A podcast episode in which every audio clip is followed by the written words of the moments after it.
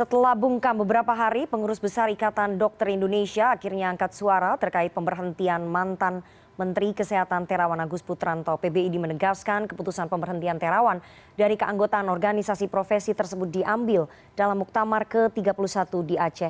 Keputusan memecat Terawan memicu kritikan dan ancaman dari berbagai politisi Senayan dan pejabat pemerintah yang akan mengevaluasi posisi ini. Untuk membahasnya lebih dalam, kita sudah terhubung melalui sambungan Zoom dengan Kepala Bidang Hukum Pembelaan dan Pembinaan Anggota ID, sekaligus juru bicara ID Dr. Beni Satria. Selamat sore, Dr. Beni. Selamat sore Mbak Nana. Assalamualaikum warahmatullahi wabarakatuh. Waalaikumsalam warahmatullahi wabarakatuh. Dokter Beni langsung saja, kalau soal alasan pemberhentian Dokter uh, Terawan Agus Putranto itu tadi sudah Anda sampaikan dalam konferensi pers uh, ID, saya ingin tanya tindak lanjutnya ke depan. Ini Dokter Beni, PBID akan memproses pemberhentian mantan Menkes Terawan Agus Putranto. Apakah artinya semua SIP atau surat izin praktek Dokter Terawan tidak bisa lagi terpakai? Baik, terima kasih. Jadi yang perlu kami jelaskan adalah terkait ranah organisasi profesi terlebih dahulu. Hmm. Bahwa ranah organisasi profesi adalah dalam hal penindakan, pembinaan, dan penegakan etik kedokteran Indonesia.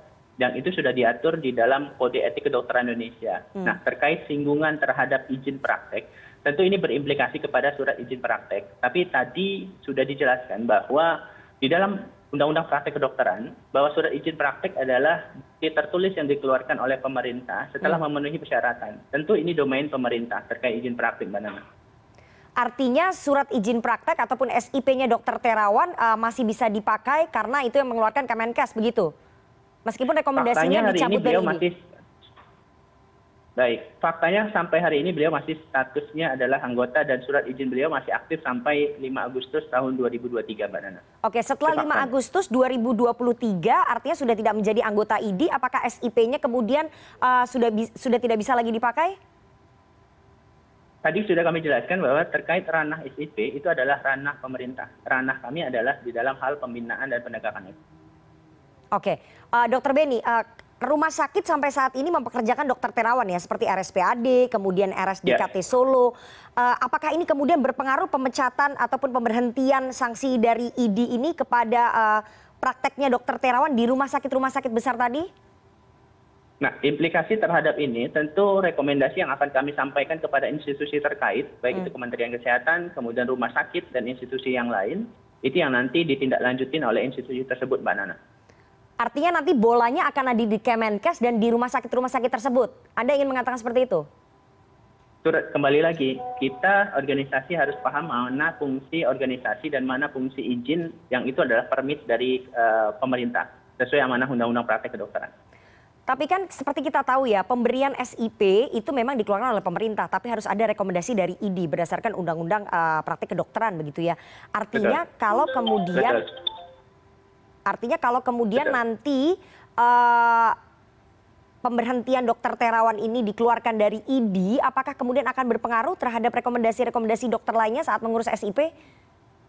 Tentu Mbak Nana. Jadi di, memang di dalam ADART, ya, Organisasi Tata Laksana Anggota Ikatan Dokter Indonesia, ada hak-hak anggota. Hmm, hmm. Hak anggota adalah salah satunya adalah mendapatkan izin, uh, mohon maaf, mendapatkan rekomendasi terkait pengurusan izin praktek nah tentu hak hak ini kalau statusnya sudah ditetapkan menjadi bukan anggota atau mantan hmm. anggota tetap masih ada kemungkinan untuk melakukan pembelaan.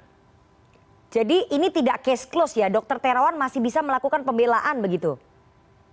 Dalam forum khusus yang nanti secara administratif ini yang nanti sedang kita lakukan eh, kajian administratifnya Mbak Nana. Oke, berarti masih ada kesempatan dokter Terawan untuk bisa mempertanggungjawabkan ataupun membela dirinya. Itu yang ingin Anda katakan. Belum resmi dipecat berarti secara resmi ketetapan muktamar adalah keputusan tertinggi. Jadi hmm. PBID akan melaksanakan ketentuan itu. Tentu administratif ini yang akan sedang kami lakukan sekarang Mbak Nana. Oke, apakah kemudian uh, ini pertama kalinya sebetulnya ID memecat seorang dokter karena pelanggaran kode etik atau sebetulnya kasusnya dokter Terawan ini kasus biasa saja?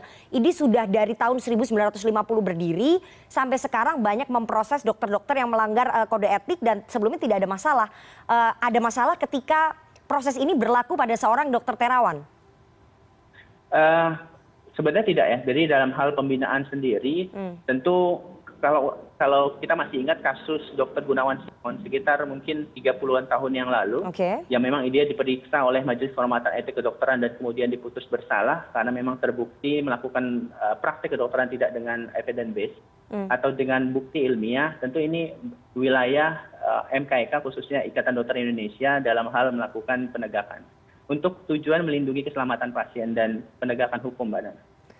Oke, eh, eh, Dokter Beni, sebelumnya IDI sudah memberikan kesempatan kepada eh, Dokter Terawan untuk hadir dan menjelaskan, mempertanggungjawabkan inovasinya seperti terapi brainwash atau cuci otak dan juga vaksin Nusantara. Karena kalau dikatakan ini sudah prosesnya sangat panjang dari 2013, kemudian 2018 rekomendasi dari MKEK sudah keluar tapi tidak dijalankan oleh PBID eh, periodenya eh, Dokter Daeng. Kemudian sekarang harus dijalankan.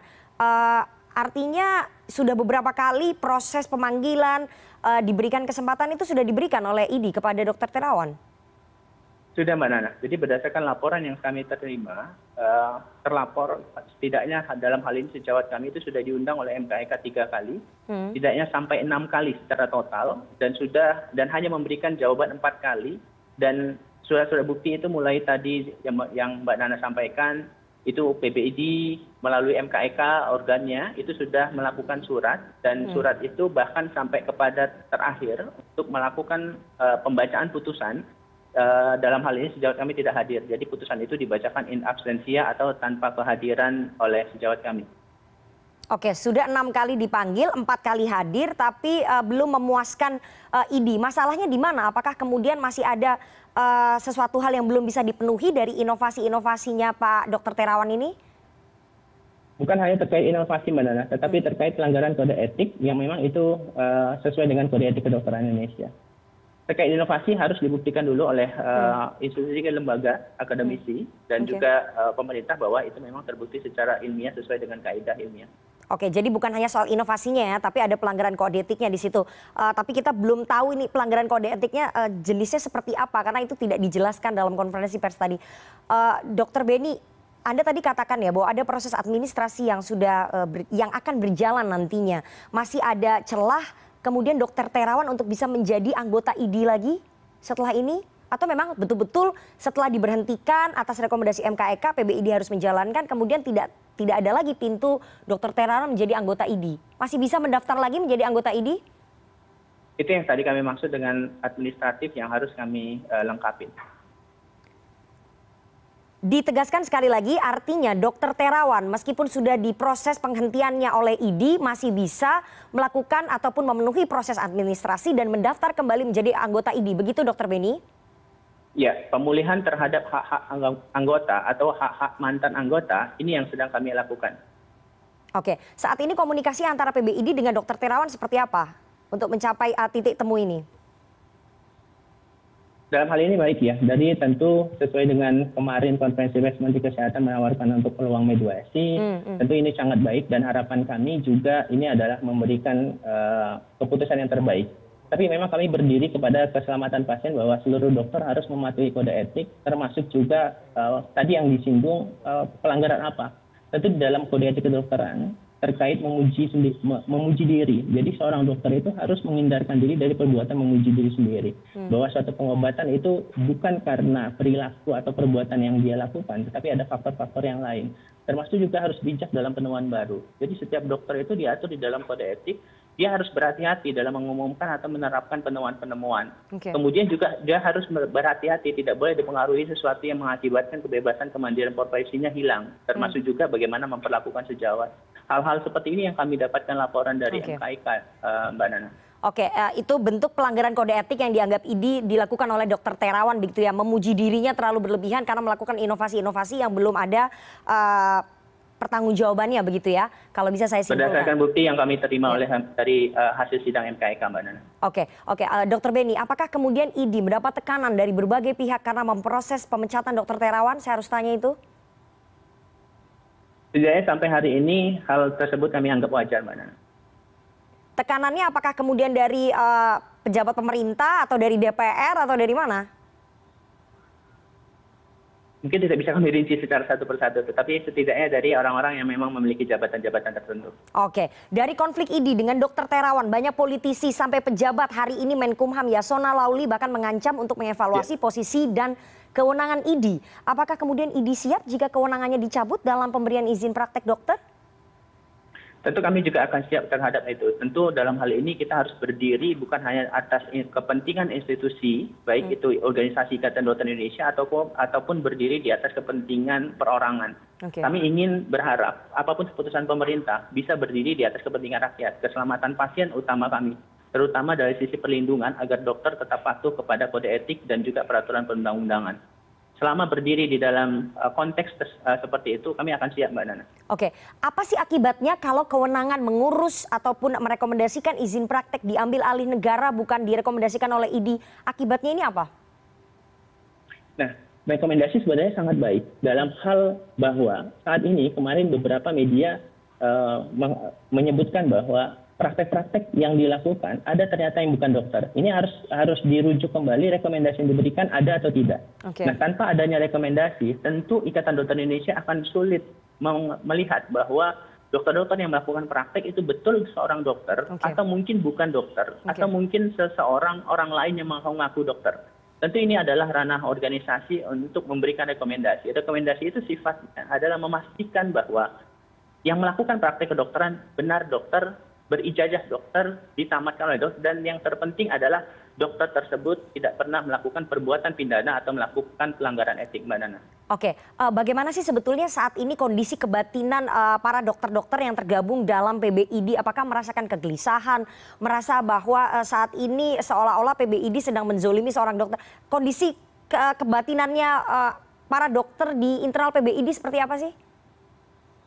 Ya, Eh, tentu harapan kami dengan adanya kejadian ini kita semakin solid, hmm. semakin banyak lagi memahami tentang etik dan khususnya hukum bahwa apa yang dilakukan oleh PBID hari ini adalah bukan keputusan pribadi, tetapi ini adalah amanah muktamar di mana muktamar itu dihadiri oleh seluruh ketua-ketua ID cabang, ketua-ketua. ID wilayah di seluruh Indonesia. Jadi bukan putusan personal, tetapi adalah putusan organisasi, Mbak Nana. Oke, uh, terakhir, jika kewenangan ID dipreteli oleh pemerintah dan juga DPR, apakah akan ada perlawanan dari idi dan para dokter mungkin seperti mogok kerja? Ya, setidaknya keputusan itu tidak diambil secara emosional. Seperti yang kami sebutkan tadi, bahwa harusnya ada sinergitas antara organisasi profesi dengan pemerintah yang fokusnya adalah kepada pembinaan praktek-praktek kedokteran agar itu sesuai dengan kode etik kedokteran termasuk juga sesuai dengan regulasi berdiri di atas kepentingan pasien, rakyat dan keselamatan pasien serta perlindungan hukum terhadap dokter mana. Oke, uh, terakhir sekali lagi saya ingin menegaskan bahwa kalau kemudian uh, Dokter Terawan Agus Putranto memenuhi persyaratan administrasi yang ditetapkan oleh PBID, maka dia bisa menjadi ataupun mendaftar menjadi anggota ID kembali begitu ya dokter Beni ya? Itu yang sedang saat ini kami uh, bahas. Artinya masih ada pintu kesempatan bagi dokter Terawan untuk masuk ke PBID menjadi anggota ID kalau beliau mau memenuhi persyaratan-persyaratan itu ya? Harapan kami seperti itu. Oke oke, uh, terima kasih sekali penjelasannya yang sangat komprehensif. Kita harapkan ada titik temu uh, konflik ini uh, antara ataupun uh, polemik antara Dokter Terawan Agus Putranto dengan uh, PBID semoga nanti bisa didapatkan solusi yang tidak merugikan kedua belah pihak dan sekali lagi kode etik kedokteran harus bisa ditegakkan dan ditaati oleh semua uh, dokter yang ada di Indonesia sehingga tidak membahayakan keselamatan pasien. Terima kasih sekali Dr. Beni Satria, Kepala Bidang Hukum Pembelaan dan Pembinaan Anggota ID atas waktunya kepada CNN Indonesia Newsroom sore hari ini. Saya selalu Dr. Beni. Baik, terima kasih. Sehat selalu.